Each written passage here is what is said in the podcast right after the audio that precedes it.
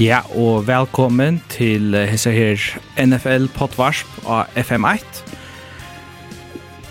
Okkara tutsjunda podcast, og okkara fyrste Fyrsta målaga er at hitja fram og på nægra playoff-lister nu ta i eh, grundspillet eh, blev avslutta her i vikskiften i NFL. Man kan säga en dramafilter uh, sonnedaver vi en rikvia action. Gott nog en av mest uh, spennande vik jeg har sett i, i langt tid. Jeg sitter her i studion åtta av mine fasta menn, Arnar Lockberg og Agnar Presta. Arnar vil ta vi i uh, telefonen, jeg burde være her på en til det. Er du Agnar? Arnar? Ja, ja. Yes. Er du uh, klar? Jeg er klar. Super. Og er vi med i studion så har vi uh, Kjur Reinsson og Isak Hansen. Ehm... Um, Kvarltun først. Isak, velkommen. Jo, takk for det. Takk for det.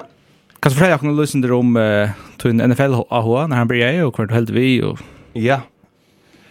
Da man er live i radio i San Francisco, så ser man ikke hva man er i, men uh, det er så 49ers. Og til jeg blir jeg uh, om løy i er 2012, 2012.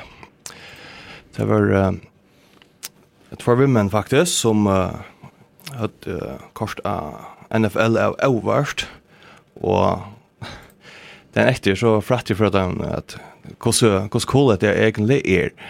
Så satt der at jeg burde komme ihåg da, sammen med dem, og til li til hver så for Niners. Så det takker vi vimmannen at vi 2012. Ja, Hva er det uh, Sjur, når blir det ikke en NFL? For en helt og vi? Det er nok i 2006, halvdig bestemt faktisk spalte jeg, faktisk spille Madden Arne Hør hokt i NFL. Og ta fyrir tjokken öll leina, öll tvei, så her er simpelthen valgte til leie som helst sa coolast ut. Til verre for det var en til leie som hei first pick til året. Og drafta Jamarcus Russell, Oha. uh, de vanlige spelare, eller bust snakkandig. Ja, det må man säga och, godt nok, ja. Det visste jeg så ikke, ja. Men uh, så, så helt vi tar med så igjen. Det var yeah. hösten till året, fältvis, så ja. Giants vann. Nämligen. Ja. Mot Patriots. Ja, ja. Det är ju versen svingande kanske Reds Shepherd, ja. Vi Ja. Det är nog det stjärna. 2016 som var gott, men så är inte så jävla gott att lycka väl.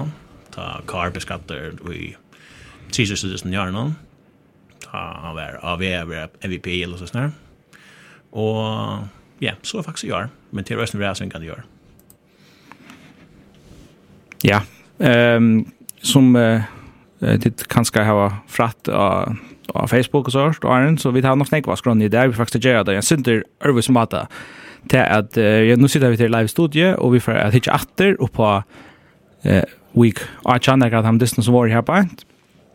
Och så får vi att hitta synda på på Kappingar och ta om kvar vi halta borde vara MVP. Och så att han att det så får jeg gjøre en, et større preview til uh, Tar 6 Wildcard Disney som er neste vike, og gjøre dere et, uh, et uh, kikko på hvordan vi vant at uh, playoff for å spille ut i utføren.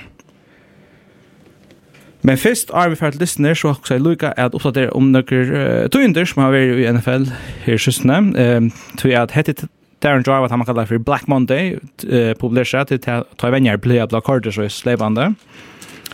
Vi har några vänner som Blue korter. vi har Matt Nagy, han är ute tja Chicago Bears. Mike Zimmer, han blev korter i Minnesota Vikings. Kanske lite överraskande, jag vet inte om om tid så att jag komma. Helt ikke inte alltså det är alloj. Det Det var öliga gåvor for noen år sedan vid Case Keenum og och til Arne Dark, och og Diggs vekk. Men så jag antar så halde ikke til å inte så vel. väl. Som George gör det hela är jag tror vi är rädd skuffande mamma säga. Ja. Och det här var ganska nog till att Maxeli hever potential till till Maira till Anchnivium det. i helt att det är en av bättre roster som är ju i NFC så det är nog spännande jag se där finns ju en en ganska offensiv eh minded vänjer in som kunde göra så skott arbete. Ja. Nå, i Denver Broncos blev vi Quancho uh, korter. Det ganska ikke överraskande. Men det största av ödlån kom nok i Miami her og i Brian Flores brottliga Black korter. En mäver som annars har haft en öliga goa.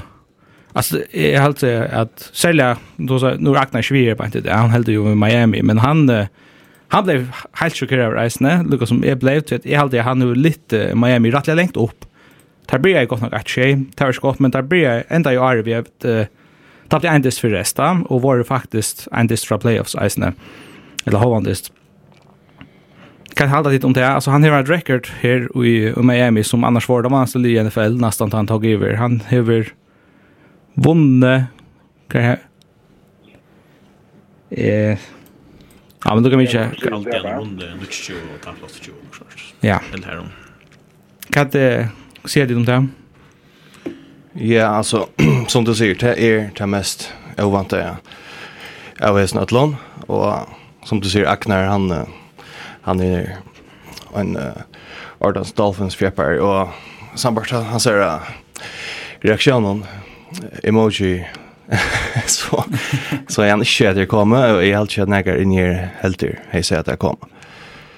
Men uh, vi uh, vi är Vikings som som nämnde ja ta ta var mer upplagt väl mer upplagt än uh, än vi Dolphins.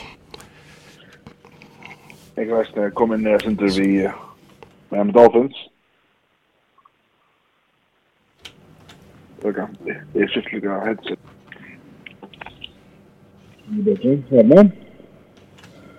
Jeg hadde flere her, men ja. Hva sier du? Um, vi Brian Flores, han har haft en 25-25 record, så jeg omtrett 0,5 uh, overall. Han har flott uh, fela i fyrtøkna franchise rett av veien. Men nu tar man säga att det ser eh, grejerna kommer nu sen till det nu eller idag det där så så är det väl nog en en passe av han inte vill öliga öliga samtro i nekvon som coaches alla inom. Och det är nog sån innan oss strublagar här han ska sen vi uh, sälja vi coachen Charles 2 tack då och Deshaun Watson så det Sean så varför gör Ja. Og tar du ikke være i playoffs, og du venner som det går Dolphins, og tar Miami är rett av veien til å være størst fjellet nå, det tar seg det seneste eisen vi her var så størst, eh salary cap og gå picks neste år ja. Så kanskje også det at vi satser større, får større navn innen Brian Flores showman. Ja, alltså jag vet nog sådana där vinkeln där vi vi tog att ta av Loa och vi där sen sitter på inte stod ju någon och sett starspåren att det ju vi så han han manager är till förhåll till sälja ganska ja, allra mest i fjör tar Fitzpatrick var på att han han heter vi att ta två ut ur distan sort och Stanford man uppe i man upp och han gjorde det mot Ravens vi eh Sean Jacoby Brissett Men eh, ja, ja överraskande är det uh, ett annat ting som överraskar mig helt nek. Det är att Joe Judge än inte är korter i New York Giants. Faktiskt så kommer rapport ut och jag att man vantar han reverande och man säger jag har jag har nästan riktigt jag trycker på det. Alltså jag jag jag klarar inte att ta det. Alltså jag vet inte mer på är vi får nok til å se et la kvæt det er, men jeg skiljer ikke, hans mæren ikke korter i New York. Altså han hever, han er ikke størst godt her i år, og hans lie har vi vært til vanligste den siste mannen. Så er Daniel Jones forut, så har vi hette vært til vanligste lie i NFL, og da sier vi med annet til at Lions, Texans, Jets, um, og Jaguars har vi sett nekv bedre ut, særlig at de langt nå siste vik, ja. Og så er det med over som han hever, rent faktisk, og han er det Washington, så sier han, Vi er ikke en clown show organisation som har bare der ute av asyllinjerna. Og refererer til at Washington football team det er en clown show organisation.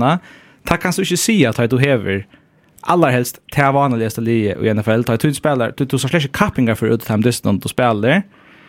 Det er ta ta är samma show ut som en clown och han körde helt bättre vid till Disney här i en situation särskilt är hoppa fram här i Giants har bulten och efter sin egen goal line. Och där får en false start, men där kastar en affär, får en false start är second and 12, och så snigar där bulten tverfer. Anken är också, när jag kan säga det, för det blir totalt till green, så Jag vet ikke hva jeg sier det, men alltså, nu, han er just en clown sjolver nu, och han har vi gjort det här, her, den här klubben, som uh, är er går vi, New York Giants til eit clown show, og jeg halte at John Mera og eieren her på, der gjør det iverhøvrig friere. Mm Nej, men fra... Jeg vil bare si at vi samkänslar vi, vi Joe Judge, men man sa i fjør at han, han var 60 så tapp tudja, og så tjänade han näck värre i år, fyra, vinner fyra og tappa 13. Så hatt her i eisen i stövren, i stans och sportpartiet han är inte kort nu, där han fällde så langt ner i stöd i livet. Nemlig, og jeg tenkte er at uh, at jeg bare men det er som maten du sørst ut på i time dysten, og så vet jeg vel at, at uh, Daniel Jones over skatter og så art, men hetta så lige så utla har ju fullkomlig opp under honom. Så jag hade inte det jag at att jag det for jag sitter en clown klona organisasjon på nu og ett annat clown show tar så vi i Jacksonville for för att första til at uh, Det var ikke rævlig ytla i Jacksonville Jaguars, tross en sørste ikke at det li så godt nok ut totalt uh, kollapsa, og Asgården har vil så ser uh, ånøkter, så ånøkter at tusenvis Asgården møtte opp og klona kostymen til distan for jeg protesterer hvordan vanlig li ikke ser vi er. Så man skulle vanta til at Indianapolis Colts, som kom inn, för att vinna han det för kom playoffs att det skulle vara en en walkover och ikke trodde det skulle være en dramatikker här på en, men Det var tyvärr inte så lätt tja Carson Wentz och company. Ja, hva er det vi skulle ha her? Åtta. Wentz pulls it down once, now throws intercepted. Damian Wilson with the interception. There is the first road pick of Carson Wentz this season.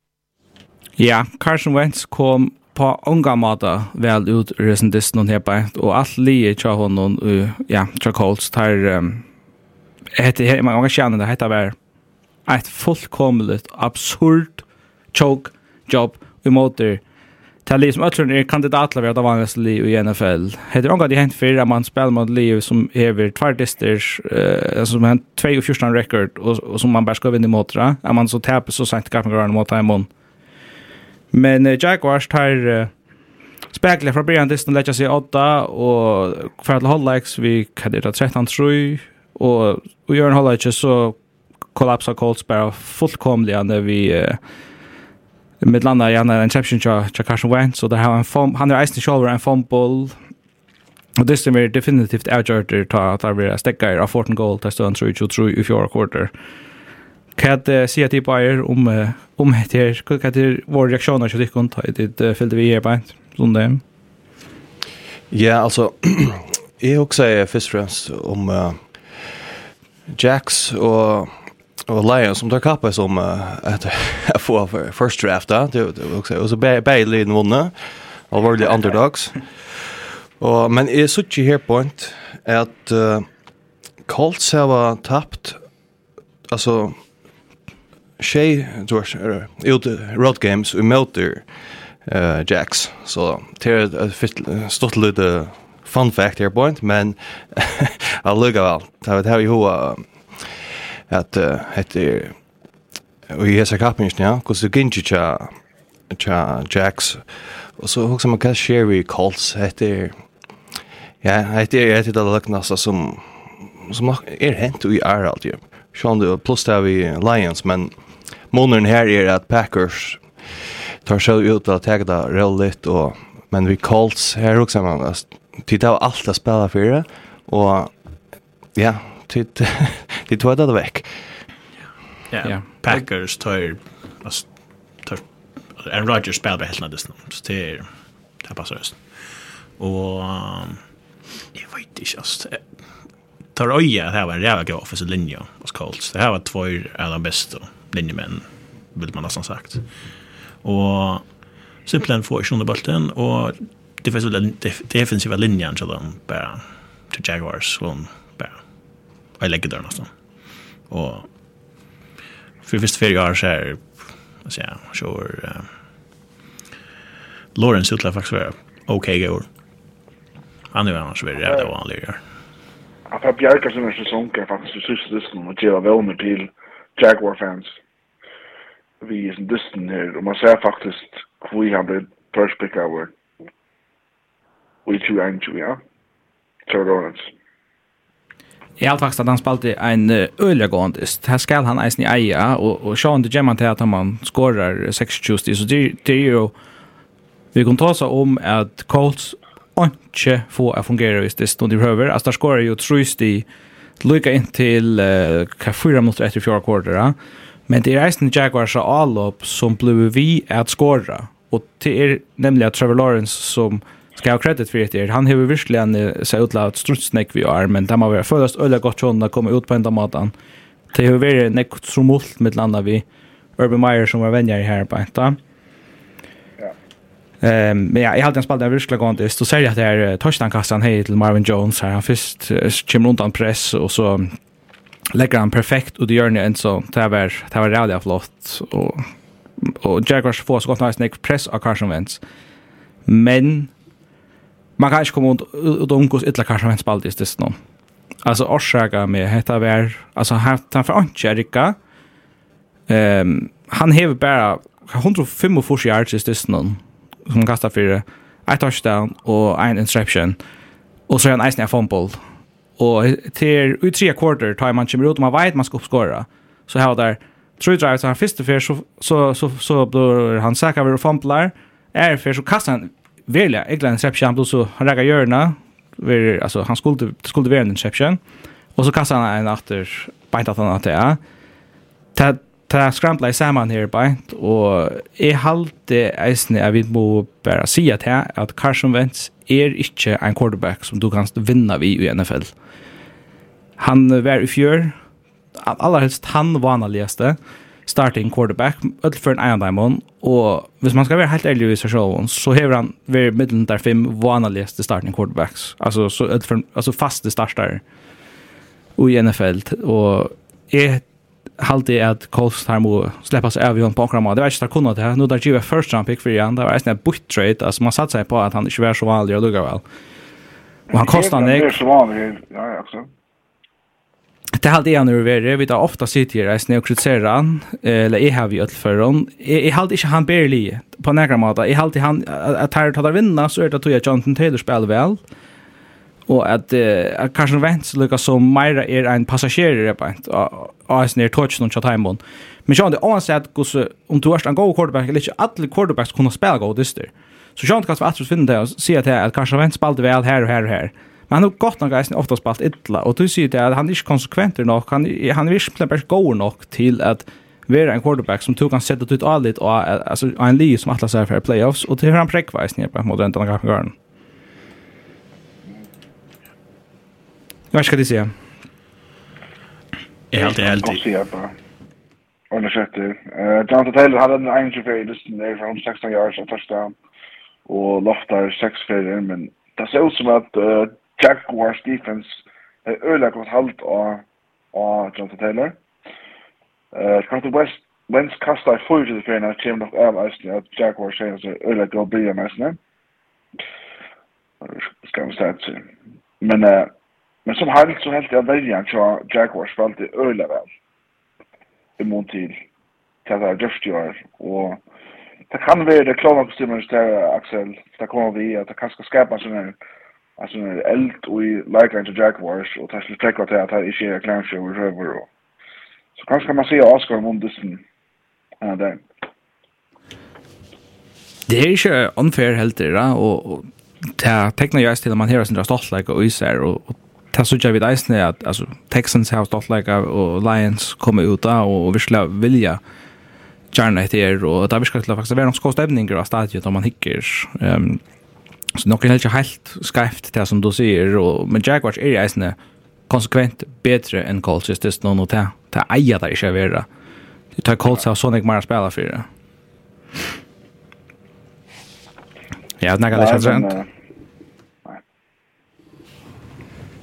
Ja, men så får vi vidare till uh, den nästa disten av Skronne. Det var en uh, sera spännande dister i Los Angeles i mittlen uh, 49ers och Rams. Här i um, 49ers faktiskt skulle vinna disten eftersom att Saints vunne i uh, Atlanta.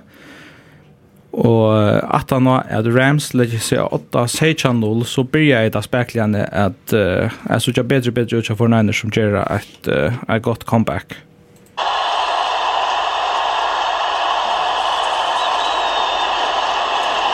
Pass is caught. Jennings touchdown 49ers.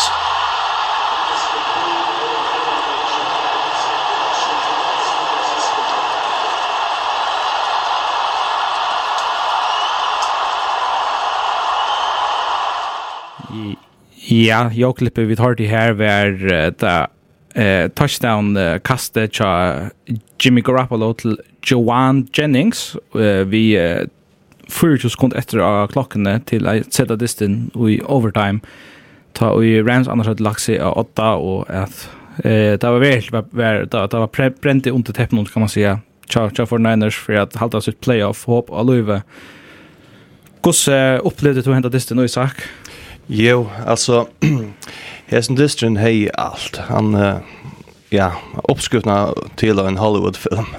Tog at uh, Då rattan för sig jag noll och så börjar man att huxa okej okay, kommer Falcons hjälpa bakom en center och så får man inna dort ska det inna tandisen kan hända här point? Men när här är så släkt han hjälpa hanta så man bara borde borde då så och och i hållas är stövan Sejan 3 och Jimmy G har en um, han han är slite så en tummelfinger så han er han var ikke top form här på ett och akkurat ta han hånden han brukar kasta vi och så också man ska man uh, prova vi Trey Lance? Det är alltså backup quarterback tja, Jimmy G. Men Kyle Shanahan han uh, han vill hålla fast i Atlanta tror jag att han har så mycket av att trick till uh, Jimmy G. Och Så vi vi så är det där inne att distan och Rams är slett till stier alltså tar leta för Niners dort dominera sådana sådana hållag och så ja, det bästa punktet, det var alltså att Jimmy G kastade till uh, Debo Samuel som så kastade Weir till touchdown. Så uh, Maron kan allt. Och så vänner man att att uh, att jag till Iron overtime, inte kommer overtime det det är ringa som man vet för nervan och man eldest några är och allt det där vi hitcha. Men uh, så var det ju overtime och tar vinna vi en field goal och Rams och Muller kan att uh, att ända då vi Odell Beckham men så klarar Fortnite att intercepta bulten och Harry vi är Leot. Så Ja, att det är ja, en en rushban ja, det är det. Ja. Drama för för alla pengarna må man säga och det var gott nog ganska omtalande. Jag fyllde vi ju är nu det någon. Jag hade sen chansen hur det är vi att skulle man kanske haft skift i till Traillands. Eh vi där sen Luca haft den här uppe i runt den där. Eh nu har vi Jimmy och skatter och anchen och och vet nog kus fruskra som tumlen var och hur hur om man var 100 eller kvärt men Och han säger så spaltar så vi Trey Lance i sista vecka.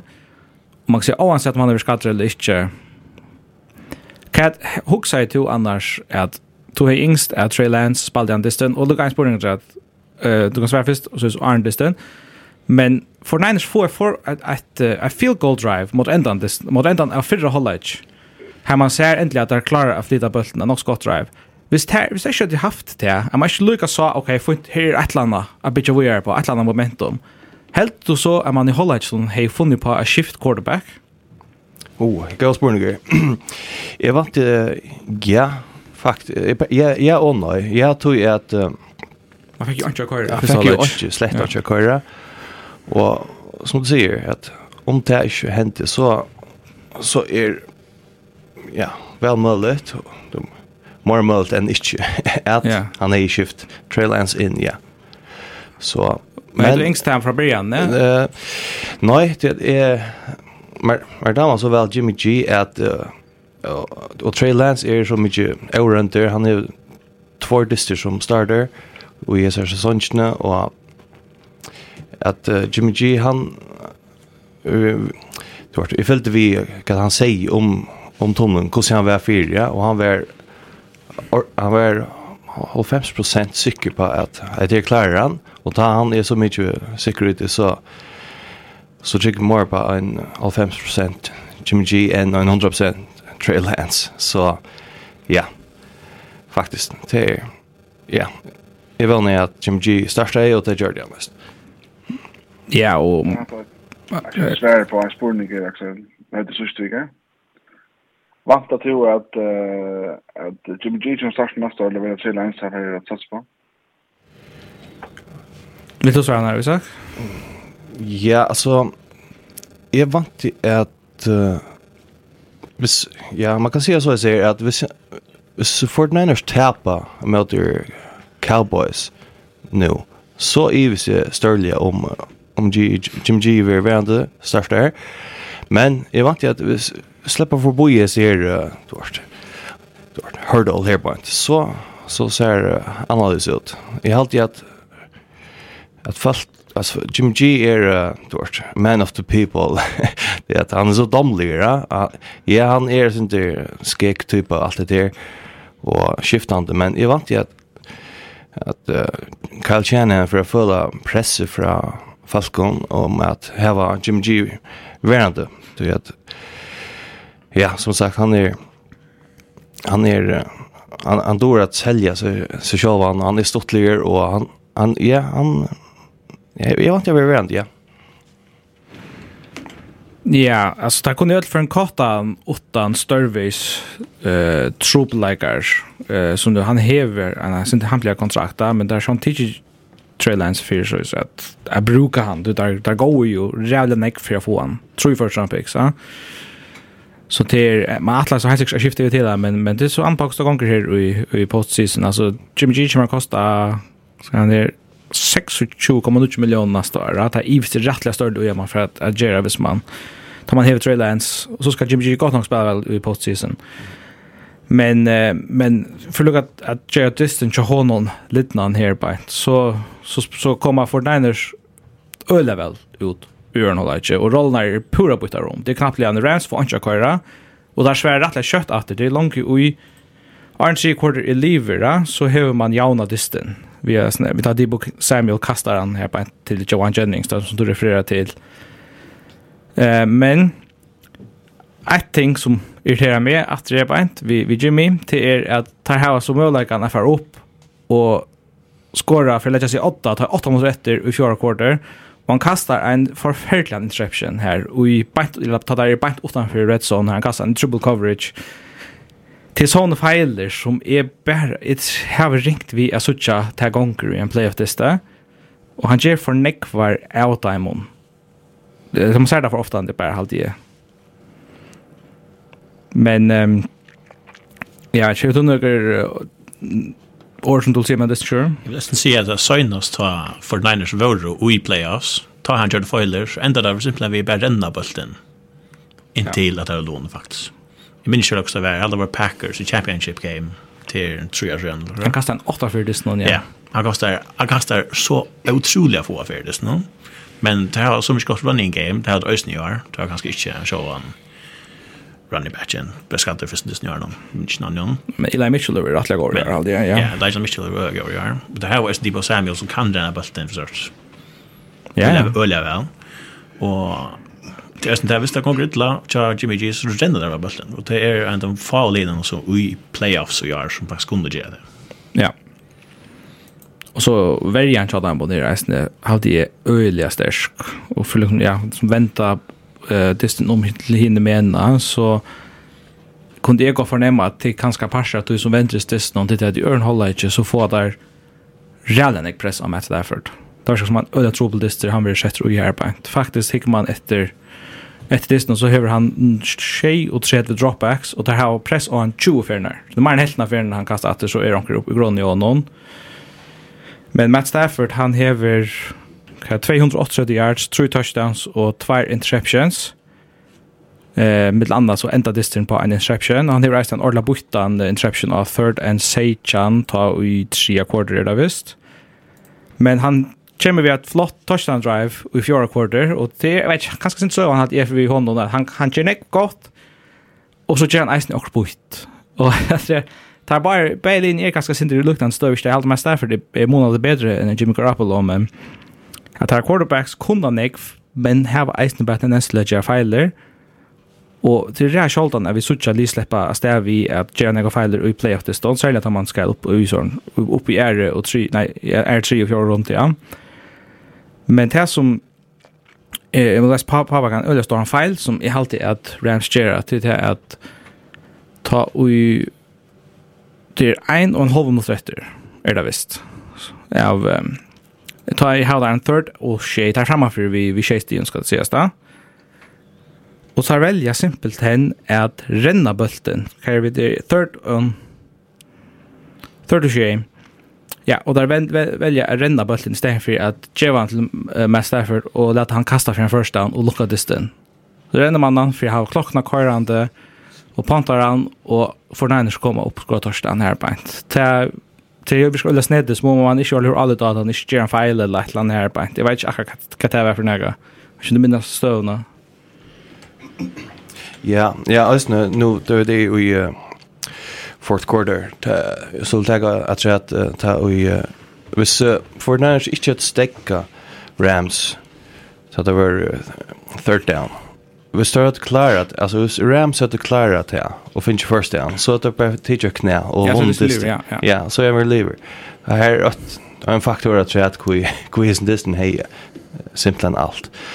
Och ja, nej vad ska det om om det mentalt spalt in att Då tar det första åtta och ett annat li ett så spärkar in in naturalisten så så är det att som oftast minne minne väl. Så det var ju vara tillfälligt i disten. Ja, spännande vill jag att för en Filchers ner banan Lino Bay är vi playoffs och Rams var så mycket heldigare att uh, ta tap inte kommer att kosta dem några särskilt tror jag att tar skulle eller tar tar tar där sin seating gott nog. Det är nog blivit nummer 2 visst där hade vunnit det stället men nu blir det som nummer 4. Men behalta divisionstiteln då att Cardinals tappade. Ja. Så det är alltid näka. Ja, men så fär vi över till det som jag vill kalla hattarpunkter och givetvis så jag kör eisen så det som hattarpunkter från från Sundedenen. Absolut. Nok en av timon allar bästa distan jag säger säga, uh, i, uh, i NFL the regular season. Vi skulle høre også en dag. for a man who's been money. Biggest kick of the year for the Pittsburgh Steelers.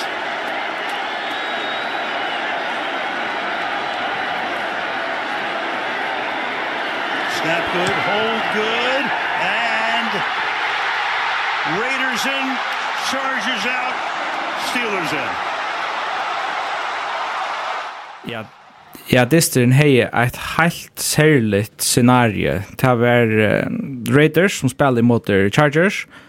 Og det var såleis vi... Uh, vi har tæmt utslutning som var spalt åren, vi tappte noen til Jaguars og syren til Steelers, så var vår linjen her til at høyde bæg lide, nei, hei, hei, jeg vinnaren, og sånn, at disse noen kom i playoffs. Tæparen var ute, men hei, disse enda jaunleiker, så hade Berlin kom i playoffs. Och hade några man kan säga i fotboll det heter det här ganska just någon defensivt men man kan inte orda spelare för en jävla i NFL. Det är så där skall som det händer. Men går hjälp med for district i overtime. Och det här scenariot där kommer bara tattare och tattare och tattare och district för helt nyer till 2 sekund. Tar Raiders så lugga välja of field goal för att vinna distin. Vet inte, jag fann skapa för att sända Chargers ut eller kvad, men ödlor för nägar som är öliga glada för att det är till Pittsburgh Steelers det här var nog tar så nog mer än det här bänt att det skulle för vi ända jag lägger ända jant. Raiders vinna og er i playoffs for første fyra siden 2016 kan du uh, beskriva känslan så där så att du sett hugg det sist någon gust upplevde jag kör Uh, oha det var otroligt spännande Du ser nämligen att det virkar som det var jaunlög alltid och men det var en affär så för distrin att att det var 12 stjärnor tog sig okej okay, nu för det ni kända jag nu kan han inte jag lägger det enda så vi att uh, Chargers för ett du av fourth down och åt alltså en egna 18 yard linje och få det inte så hoppas jag sånt att vad säger a Raiders skulle touchdown men tar play är ju touchdown i red zone. Det är där gender för att få field goal all det jag knar och Det ser nämligen upp till att Chargers bara skulle ha ett, ett, ett, ett, ett, ett, two-point conversion og et, og et touchdown rett for jeg slipper over og i overtime. Og jeg halte til at det er sånn hei, altså han var simpelthen til gåer, og jeg håper jeg nesten at jeg nila og bare for at jeg synes det skulle noe, bare for at jeg er fanskapet. Her var nemlig, her var det nekker uh, Steelers-fepper som zoomet i Nalden Disney, og tar alle også bare høtt om, helst når høtt noen, og rævlig spenter, og också vi kommer ju göra och men i rockmitt tar något läger ta Daniel Carlson Carlson var en den affär han personen som skorar och och sikrar Lite att säga att det är hur spännande Disney och hur hur kött han ganga i NFL. Eh stöna där nudge fyrstan till Las Vegas där i 5 minuter i fourth quarter. Det är så 5 minuter efter Disney. Eh nudge fyrstan ta etter win probability her som den matematiske rockna, så hey Raiders en 85,8% chans av vinna dysten. Og allikevel, altså 1,3% så enda dysten kraft et med overtime. Det viser bare hvordan jeg kan ganga, er 15 stia måned linan. Og det sier at jeg touchdown, extra point, og jeg touchdown, two point conversion, ja. Så det var bare hvor spennende disse var i enden, særlig eisen i enden av fourth quarter. Ja, og der skåra eisen jo på et uh, a play i søste løte nærmest. Da. Altså fem sekunder etter at det snart lagt skjørt, ta vi Herbert uh, kastar en 12-yard touchdown til, uh, til Mike Williams. Ehm um, Men annars kan man säga Raiders tar det snö där väl. Let's say 8 touch 0 och med annars så har Chargers då ett ett moft punt som ger Raiders som tar en bana där ska touchdown. Chargers svär så där väl att det kommer upp av touch första men men så gör han hålla inte så så kör det bara head här uh, Raiders och skorar ny chans det gör det. Och man ska tro det skulle vara vara outjorders men um, jag hade att att uh, Herbert skal hava ölla størst roast i halvtid han spalte igjen. Han går an til Sanne nok fortjent bedre, som er en høy fortjent av replay og alt. Jeg, og jeg var veldig kjett om at han, at han ikke fært han chansen. Han er 303 av 3 force yards, 3 touchdowns, og så godt nok en interception. Uh, og særlig her mot enda noen det er noen fantastisk drives han sitter sammen nærbeint, og det er så ærkelig at, uh, at han ikke fær uh, meira borster ur, hvis nere dessen noen men det er ganske eisen tog at, at her gjør han feilers, chargers, og Raiders gjør onkar, og jeg vet ikke, altså, det er en gang turnovers i disse noen men han. Um, der heva tvær turnovers, han, heva, heva Raiders, og sånt den her, som du sier, fort down og et, altså, hun er ekten i 18 gjør litt nytt færre etter, så det tror ikke jeg at, at man kan si at det gjør sånne nokså alvorlige feilers. Men jeg husker bare, at nervene er ikke at jeg har sånn her mål enda en stedet noen tog at de drivene som kommer, det enda har öll, alltså bara allt är bara fort down om man har fort down. Alltså det här var tjej tjej för när det snor för ett fort down. Till pura va vilta alltså och du kan och sitt sista två driven där har där fem fort down conversions. Så het ja. Jag vill bara säga som som NFL scorer så sitter man bara som det stod så heter det helt vilta. Mm. Men det er ikke helt utan tøytning att Raiders vinner disse. Nu kan man se det då som at det skulle bara jauna lite. Han jauna kan hej vi först att Raiders blev nummer 6 och skulle till Kansas City att spela. Men han sier kjent av nummer 5 och här var en jeg vil sagt månande lattardist i Cincinnati. Jag for kjensle känsla ut om man finner i dem Hoksa då. hette skulle vi bare kåre hjem til en jag like Hoksa då. Vi vi må röna vinna til at Alltså åtta han ganska att kasta det veck så att för en röjna och eh nu vill sagt uh, förvärande ojärn i uh, Raiders Al Davis. Han säger she just tie baby. Just win baby. Så Nej, så man får man får inte det att att jag like Det är bara det är bara det var nog stort till allt fält fall till till att man kunde göra det. Det var nog så löj. Men allt jag man så först in här på ett och det kommer vi så vi overtime och du kanst vinna så så så ska Elfsborg vinna simpelthen. Og... man kan vi ta ta fyra mot rätt det da? Altså, så sjön det början kan man man kan köra en touch mot klokken, ja. Nei, nei. Men du vet at Chargers vil var starka när time out. Du tar vil du bare ha Jan Legend. Du fyra mot rätt där. Helt det. Ehm. Dog time out. Ja. Han tar touch time out för jag får vägen att köra på plats. Det vet du. Det var tog en värd runt helt ner och lugga väl. Så jag ska spela till men Nej. Eh. Tar jag börjar gott nog vi vi, vi är kast vi säger jag men så att där tummen var kommer så blir det bara renna renna renna. Ja. Yeah. Det ska köras mot att få ett sex nu. Nej, men uh, man säger Derek Carr och kompaniet där ser med det att att när tog them out så var det sort.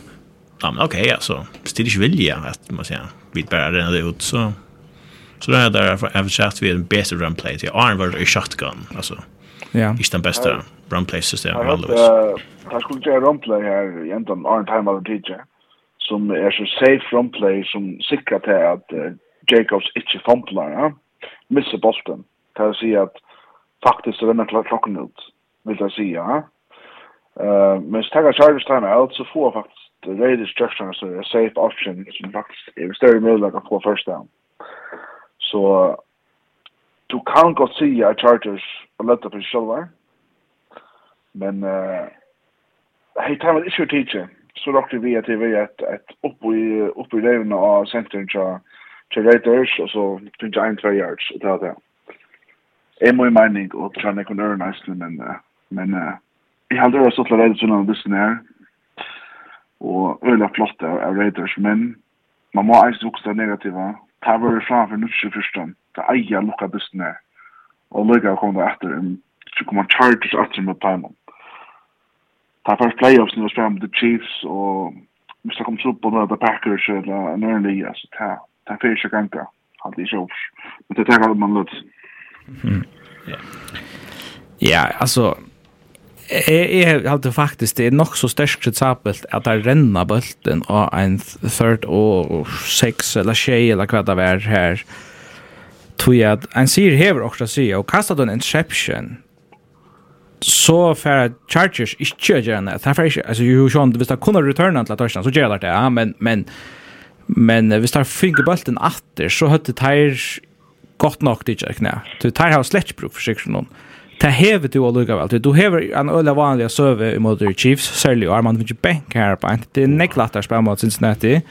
Og til rett at Carr sier til at det er brøtt mindset, men jeg halte, jeg halte folk må ha misskilt han til bænt at han har til, så sier han Men det kom aldrig på att tala vi spelt för en anlag. Vi får se ut för vinnande disten. Ta ser han här på en charge nåna.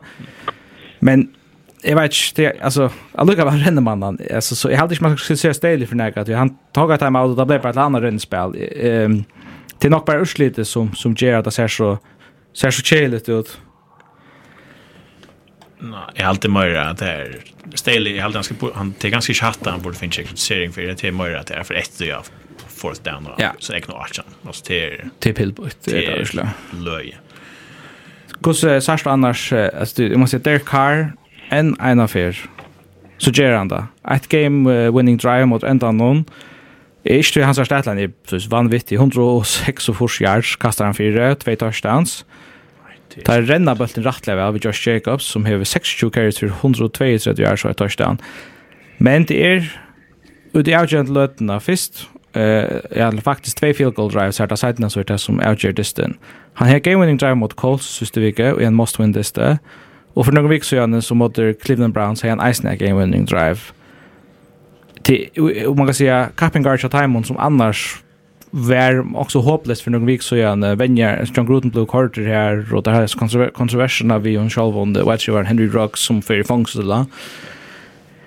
Hett här, hett är rätt imponerande till honom. Och han ska spela sin första playoff det snägrande då är. Ehm vi fick skift någon. Ta vi spelar till är snä tar rookie cornerback. Han han var en DOI och i sista veckan. Och att man distan med Colts att när det flyr flyr hem och det är bara så att vi ska bara hon inte kan bara vara gott. Han kan bara gänga rätt. Och han spelar så vi till det ska till men ster Derek Carr. Det är så jävla ofta när han kommer åter eller Joshua kom åter i fourth quarter. Det var löms med det första snarna eller Raiders ta Monday night uh, we got med the Ravens. Det var ju snarare akkurat samma vi overtime. Nämligen ja. Och han virkar ikke ha det st beste stats i alla fall i touchdowns och sånt. och til han hever katten over nøkker 20 och katten 80 touchdowns och sånt, och några touch interceptions, minns mig rätt Og, men han hever også en 12 fumbles Altså, det er som han ikke gjør det til, så han i quarterbacks. Men men da er vel, men at när Chiefs det så helt det var skärt kör allt hem alltså. Ta 84 nu gillar det där. Det var inte ja. gott. Ja, han er 4800 yards, uh, 23 touchdowns og 14 interceptions. Men jeg må si, altså, som det er kappingar enda i, hei man Just Lucas som i NBA her MVP stämmer der man har fem stemmer man man kan rangera från 1 till 5 man. Och så stämmer jag nu hemma så i NFL fall hemma bara en så man man, man kan bara stämma på en MVP så vant jeg, som sagt, som jeg har fem stemmer, så trykker han i finnes eger, så er nummer 4-5, det heter, er, heter øyelig imponerende halvt jeg, og han, han er ikke årsøkjen en jeg til at, at her er, er kommet til, der kommet til. Nei, jeg halvt jeg, hvis det er en er award, en MVP, som den viktigaste for lige, ikke den beste spelaren, så er han nok hund da. Til at at nå er det John Gruden for det nu så så var det faktisk hans og Rich Pisaccia, interim manager, som faktiskt.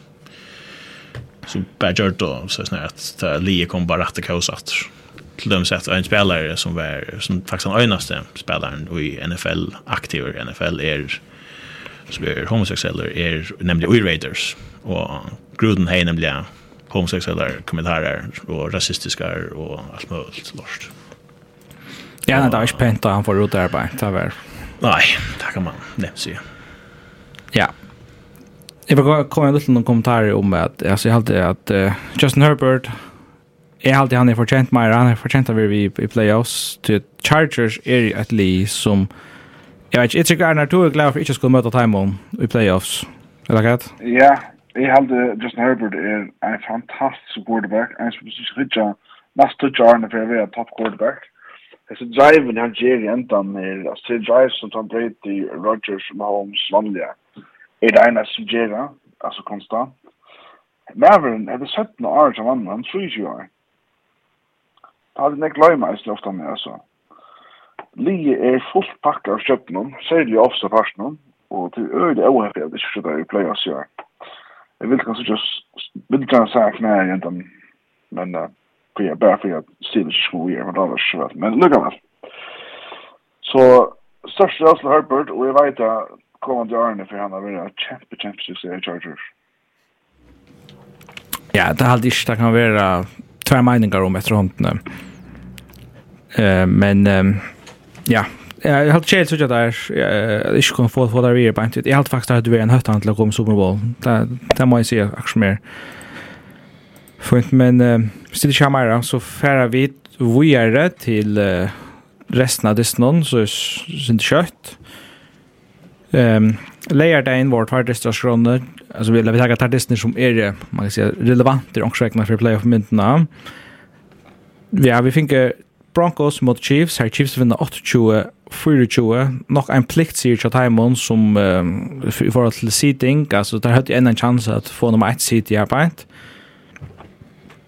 Men uh, vet ikke, der skjøtter ganske, der blir nok så press her av, av, av Broncos, ganske, som er vi det meste yeah. av disse noen sammenfyrer. Er helt etter li ikke at her nå er når her tapet mot uh, Bengals og Søstervik. Så ikke at her playoff klarer ut, eller skal man være lysten bekymret over om formen? Ja, ja, ja.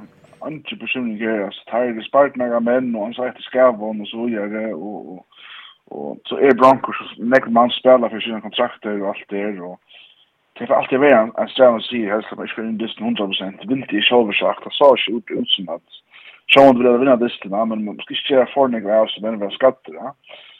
Och så är dock vi tar det är klara till playoffs. Nu nu steppar där upp och och och tar vi full on 100% nu för Chiefs och Bengals Super Bowl.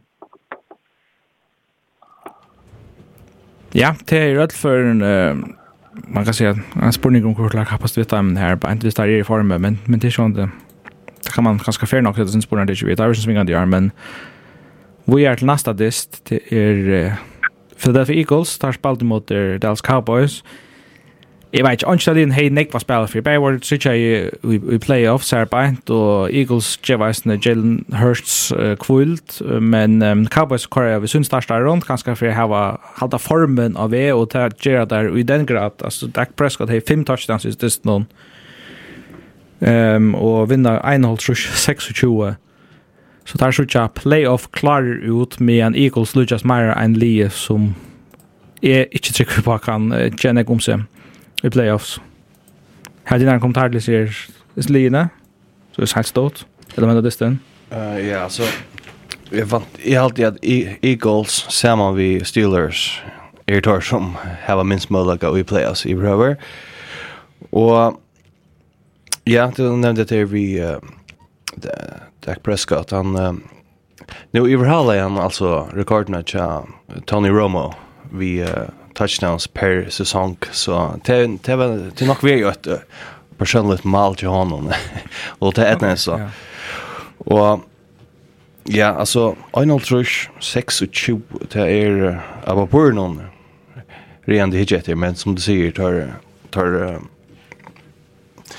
ja ja equals tar tar bara tar visst tar kom ner vi är och jag var säker hänt ja så det är ju några katastrofer jag var så så är ut ett urslit nu.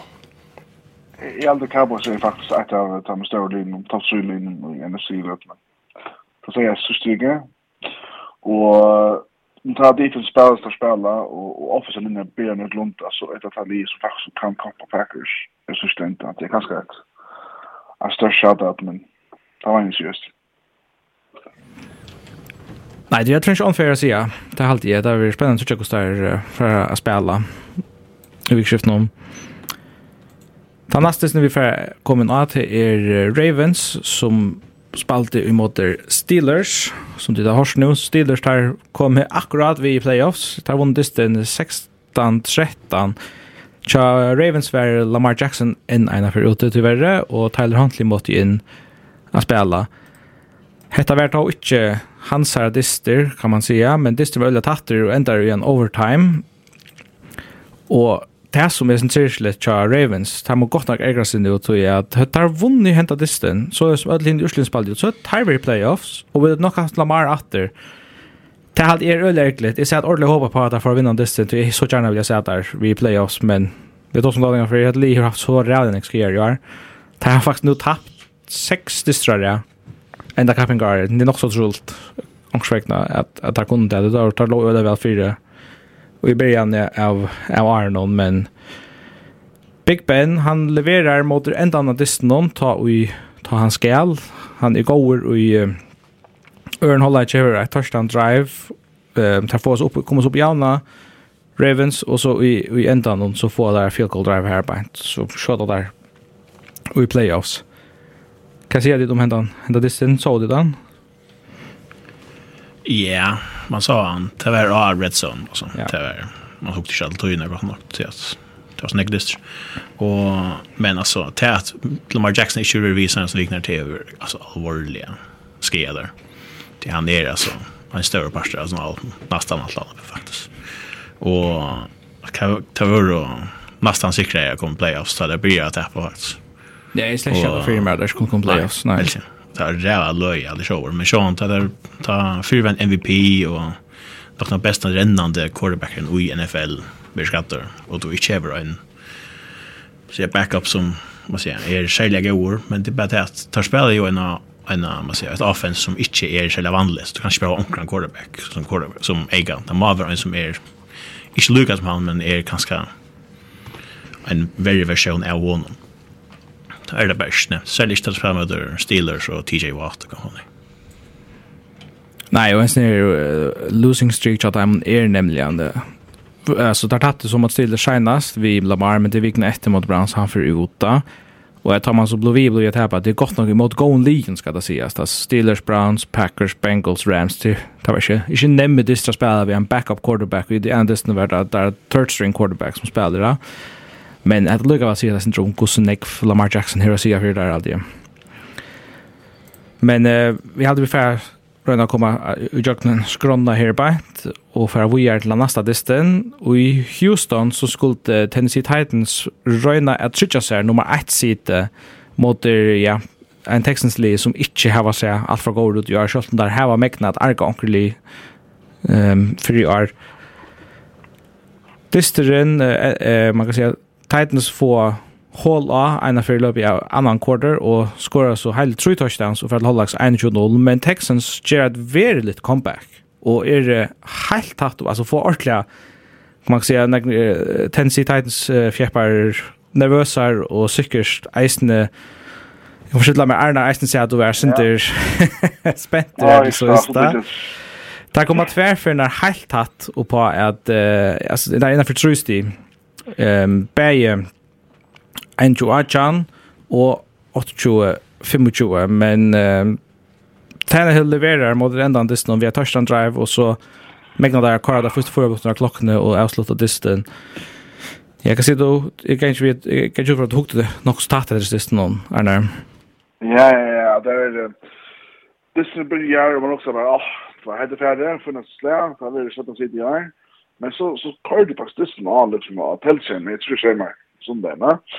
Och så hukt etter det, så börjar jeg Mills bare å høre drive och ett drive, och der blir jeg spela som en dreamers. Jeg spalte, løy också spalte jeg med Chargers, för en vik som jeg var vunnet faktisk, och og der spalte jeg eisene, um, altså, Så Burkhead, som det skrev kontrakt til nu, som, som jeg var også, ah, hva er det for noe? Han spalte helt, helt fantastisk, bare receiving og rushing guys, ja. Og så kanskje Texas area ved rett av veien, kjøtla tæt mot Titans. Jeg vet ikke, men, men, men, men, men spennende suttja, og kanskje godt for kanskje avskåren som kommer til Egypt Disney. Alt det er, ja. Utrott at du startla ikke. Til er det, og til hevne jeg hva sier i NFL, kanskje tog at jeg var så sur inna Philadelphia Eagles i fjør, for at ikke røyna vidan distan mot Washington Redskins, som jeg kunne gjørst Joe Giants a playoff-plass, hvis det minnet han at jeg skifta sin quarterback ut og bare levde distan færre. Til ytla seg, til ytla seg i NFL, og til, til stoltla ikke som som Miss slin i hava, og tar, tar George gjørt en innsats for det, men, men er det her, uh, ikke sinter, altså, ikke akkurat en styrkesmeting uh, som, som gjør nek plusspoeng av, av Titus at, så akkurat vinner mot Texans, eller akkurat? Nå har lukket for en som nummer ett. Skal vi trykke på det, at, at tar er tar klare til playoffs? Um, jeg har vært sett litt sett her, det tar i tar fram for ett en som nummer veisen. Så Karl er nægget lukket som second string og third string spiller in Titans, ja? Og takk opp at det har det gjør det Texas momentum. Så da Karl det beste leger inn at det, så er det faktisk ikke det heiter som man sier, ja? Så tilreisende faktorer hvis det er som henter. Man kan ikke døme Titans er det her til. Texans scorar faktiskt med garbage time kan man säga touchdowns men Lillard kom in this natt så. Så jag är alltid sett klar att preppa det första laget Angel går några spelare in missar momentum Texans med dem några gånger spelar in där. Så man kan stå att hälsa det nu överallt. Nej, kanske inte så smart så går som startar ut som man ska vinna distan men uh, Ja, Ryan Tannehill, han spelade för en gång dess. Han har fyra touchdowns, 206 och 40 yards. Så helt stort för att lyckas säga till att Davis Mills spelar sig också spännande ut faktiskt. Alltså, tar quarterback. Han har 700 och 1 yards och 3 touchdowns. Texans kommer att välja nummer 3 i draften någon. Eh, jag vet, det är inte helt säkert att han quarterback som kommer in är super prospect. Så vi vet inte hur det ska bli evaluera hela nästa tiden, men... Det känns extra därför efter en quarterback. Alltså jag väntade att Sean Watson han fer, det väntade det flesta, men kanske man skulle pröva att att ge honom ett år till att jag tycker inte att en vet Kenny Pickett ett långkör college quarterback bara Jimmy nu fixar det lite ut där är det nog så knäckar på några ära mat där alltså det är en roster som ser talentfull Här är en running back som är i topics här nästa år eller jag så Det kan kanske här vara för ett av ett så Ja, man kan snart. Jag inte trade after få fler eller vet man kan allt möjligt. Jag vet bara man en ung quarterback. Alltså utan så att det är en en Justin Herbert eller ett land man kan få här så så är det kanske akkurat så nätt att jag ser men te blue man klokar på så den nästa tiden att det att lägga. Vi ända eh och har jag gått av week 8 vi Cardinals och mot Seahawks och eftersom att Rams tappa uh, mot for Niners så heter Cardinals faktiskt möjligen att vinna divisionen så att det vidare där smen där spelar det blir en spel sen men tar tappa så oss 33 ehm Rattlet Shield tja tap tja Cardinals som nu har tappt 5 av sin sist fyra sin syste fem distona. Vi checkar li i i storform och man kan spekulera på om heter han sist Russell Wilson spelade i Seattle. Nej, eller är för Seattle Seahawks. Hade några några kommentarer till den distin. Ja, ja, jeg kan godt uh, tenke til at det er NFC West, som jeg kjenner jo veldig vel, og ja, altså, så tenker Cardinals først, så, så er et eller annet hent vi Kyler Murray alltid, ja. Eh, akkurat kvært det ikke, men uh, han så ikke prestera nå i søgnet nå, altså, man er vant til at urslingsmessig, så var det, så sa det bedre ut, men ta det er ikke innan huset, tystner og i divisjonene, så tår, så så lägger jeg linje ikke ut alltså tor eke hørt för å vinne, och vi ser ju også, ja Russell Wilson et, om det er så distant ja det, kanskje, det, han veier i i över og, men uh, om man nu fer så fer vi att uh, sakna han. Själv vi då i Fortnite så men jo jo um, chill for uh, Cardinals, on you say.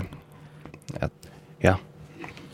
Jeg har lest at uh, Richard Penny, running back i Seattle Seahawks, han ser det här spännande ut hans vikner.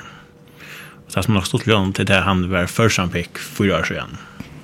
Och han uh, slash levererar allt i skatter och allt sånt. Och så knappt blev han nu sista och 60 snart också, som så totalt exploderar.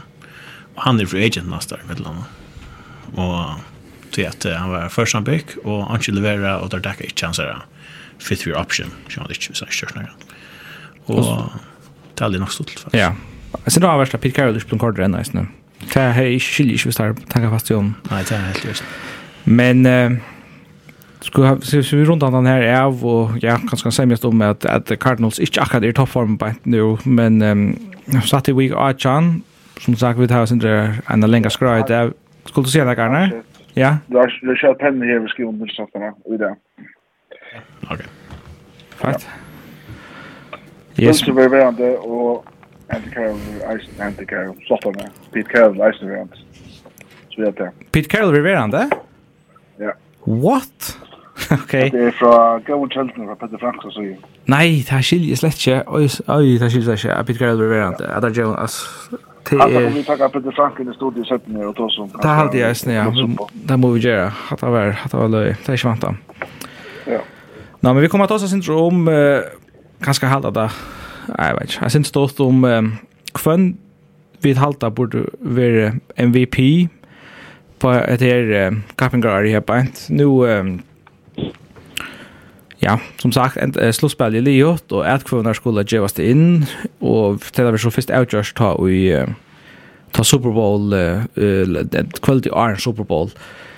Men uh, har tid hod til at uh, sia, uh, eller reflektera sin på at kvann tid halda, jeg tror vi skal veldig avgjørs jo, kvann du helt på MVP. Ja, det er alltid bare Aaron Rodgers, det er alltid ikke det han ikke om. Han er veldig utrolig gøy i år, bortsett fra den første Disney-åren, han ta spalt møter Spalbult Saints og heimavødlen, men det var i Jacksonville. Look shorts. Nei, det var utvødlen. Det er Saints at og Saints at og akkurat det unna hva er det da? Det var lukker Orskan eller hva det heter i New Orleans. Ja, den ja. Altså en løyendist.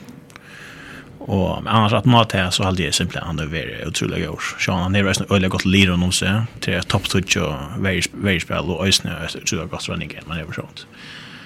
Men alltså man ser ösnen utan han så hade alltså till döms oj sist vi. Där var med Lions tack höra Jordan Love in och så så klarar jag inte vinna det. Men jag vet. Så det är han är ögor. Ja, det är han är en stor favoriten till er som men ett bookmaker någon så är han jag tror ska få procent chans att att ta ända ner. Ehm to er det en av MVP väljer någon, alltså det är kan hålla journalister till Associated Press som väljer det. Han säger till att han får inte att uh, att stämma på Aaron Rodgers tog att quote I don't think you can be the biggest jerk in the league and punish your team and your organization and your fan base the way he did and be the MVP. Det är Hop yes. Arkush från Chicago gott dock ska det sägas. Det tror jag att ja, alltså han han skapade lugg av alltså alltså kaos kan man säga i Green Bay. Det han crowd jag släpper ut eh ur arbetet och hever man kan säga trasha lite inte tar runt om sig och bara vet han är öle för alltså han är han är en fullsam typ han är blivit lätt för närmare och han är öle för närmare om att coach Jordan Love Så vi vet att här är från en MVP-väljare som ska inte förstämma på han och han säger att jag vet att här är som huxat det samma och ett annat är det här han var han missledde synter eh, NFL medierna om om han var vaccinerad eller inte och inte så vi missade en dist på grund av att och sort här när att för nog är att reflektera sin divan på han så han han han kommer missa några stämmer men spårningen är så kan man blåsa samter om hur att han för några annars kan i hala va Ja, också. Yes. Han har sagt det han att bojkotta Super Bowl för någon. Arkosh? Arkosh bröt Aaron Rodgers. Och okay. superfinalen, det kommer till Gunther av Rexen om hur som det Covid så vidare. Ja. Men, att det är sagt, så halte jag att han Brady har fullt sina förtjänst i år. Rodgers är missförnöjd det steg. Han har inte haft lög åt år som fjör, så han är fattlande. Det är min argumentation för att han Brady ska vinna det. Han är, han har inte mot 20 passing yards with four touchdowns. og han Brady har seks mer touchdowns enn han og hever 1200 mer yards. Han er sikkert kanskje noen interceptions, det vet jeg, men jeg vil ikke gjøre Pertan Breita i stedet, for det er alt som i, i betraktning. Jag har lyssnat inte oss andra vittare på det. Alltid, alltså jag har sagt alltid att Tom Brady för borde jag väntar för att vinna, men det där ska små Aaron Rodgers liksom över Haaland. Eisen vet här att han tog nummer 1 seed, men Alltså vet jag han har haft nekva skier att Tom Brady, har bara ett, eh, alltså vapnen har ju svär här allt år och här är det sådana kaos där med landa Antonio Brown, här på en så sust och sånt, alltså. Jag kunde gå förstilla mig, här var några, några väljare som ölle gärna hade vilja ge Tom Brady ända ner, här på ett, men här är bara troblagen er at her er eisne menn 18-4 som kunne teka stemmer, og jeg hodla være lutsint kontroversieller, og sier til at jeg hoksa sin om det, og jeg halte at Joe Burrow skal få mina fiktiva stemme her på en tog at han hever litt sutt franchise opp. Det er liksom enda jeg tog ikke nummer 1 og i 45 år så og i NFL-draften. Han kommer alltid fra en skia. En li som omgå tradisjon hever for at jeg vinner altså det er ikke vunnet en playoff i 34 år, men så er det at jeg tar for jeg blir til la. Men han hever 4, altså 4600 passing yards, 500 mer enn Rodgers, og ja, og på, på 16 distra, fyra touchdowns og fyra interceptions. Jeg føler bare at han hever Josh Naga helt særlig här beint, og tar disten hans spalt mot ändan av Arne, og han har vært fantastisk gjør. Det er ui de største løtene, ui de mesta pressen, han tar vært ut för i år, tar han levera Naga så herlig, altså Naga så flott som han i hør kan levera, og Och tar man där avancerade statistiken, som man, alltså, som vi nämnde sist vecka, tar man Pro Football Focus så har han faktiskt graden som nummer 1 överhöver i NFL, som han över spalt bäst. Är här vi hot till, och det kanske vet, kanske för jag synter, så drar vi sig att se att att är halt han borde vara MVP. Jag hörde soffra där, Arnar. Er du gjerne? Det var god, ass. Jeg måtte ligge som om jeg rummet at Joe Burrow MVP. Nei, Axel, nu, nu, nu, nu, størst det for langt frem. Jeg hadde... Jeg vet, nei, er hamnar det og sånt. Her er det trutje fyra film som vi bedt sånn. Og jeg vet vi veisen hadde sjåvar. En godt nødvendig, men selv hadde jeg at en wide receiver og running back har større chans å være en fri enn Joe Burrow, så er det nok sagt nok. Ja, større chans er det nok. Det, det, det er nok ikke helt skreft, altså, at, at Uh, han får ikke blå MVP det tycker vi men han er no, han har uh, satt mest passing yards skal det sies. Jeg har har nok kort, han ölla tatt vi Tom Brady ut. Jag håller at Aaron Rodgers ja man skal kanskje ikke straffe han for det at han det majority fjör Han er lukka et vet bedre stats i fjør enn han hever og gjør. Men um, jeg vet ikke, det er sinter til at, at det samme til honom, og jeg halte at han, som sagt, nummer 20 passing yards og nummer 4 touchdowns. Altså, hans stats er ikke av MVP-level i forhold til Tom Brady. Og jeg halte at Joe Burrow har gjort litt sitt lys rann jeg opp, men det er sånn flott at han har halte sitt lys oppe. Og jeg sa ikke at hun er MVP som du har valgt for i år. Um, Sean det alltså. Ja, du nämnde Joe Burrow, ja. Ja, alltså jag skulle väl kan kan han aska en gem men i har Austin Aaron Rodgers som uh, MVP. Ehm um, ja, han skapte uh, sin där Eric eh undan uh, säsongerna vi ötlens ner. Ja, han kan viska som sin uh, drama och allt det där och det er nästan. Men uh, uh, Tom Brady har varit så långt i game nå, att folk, jeg skal ikke det er drøyt av noen, du vet, han er, han er domter for kors der han er, ja, han er så mye oppe i alt sånt, men nå halte jeg at, at uh, nei, folk, uh, det vil jeg helt til heva, ja, Rodgers, tog at, till upp till möte Brady.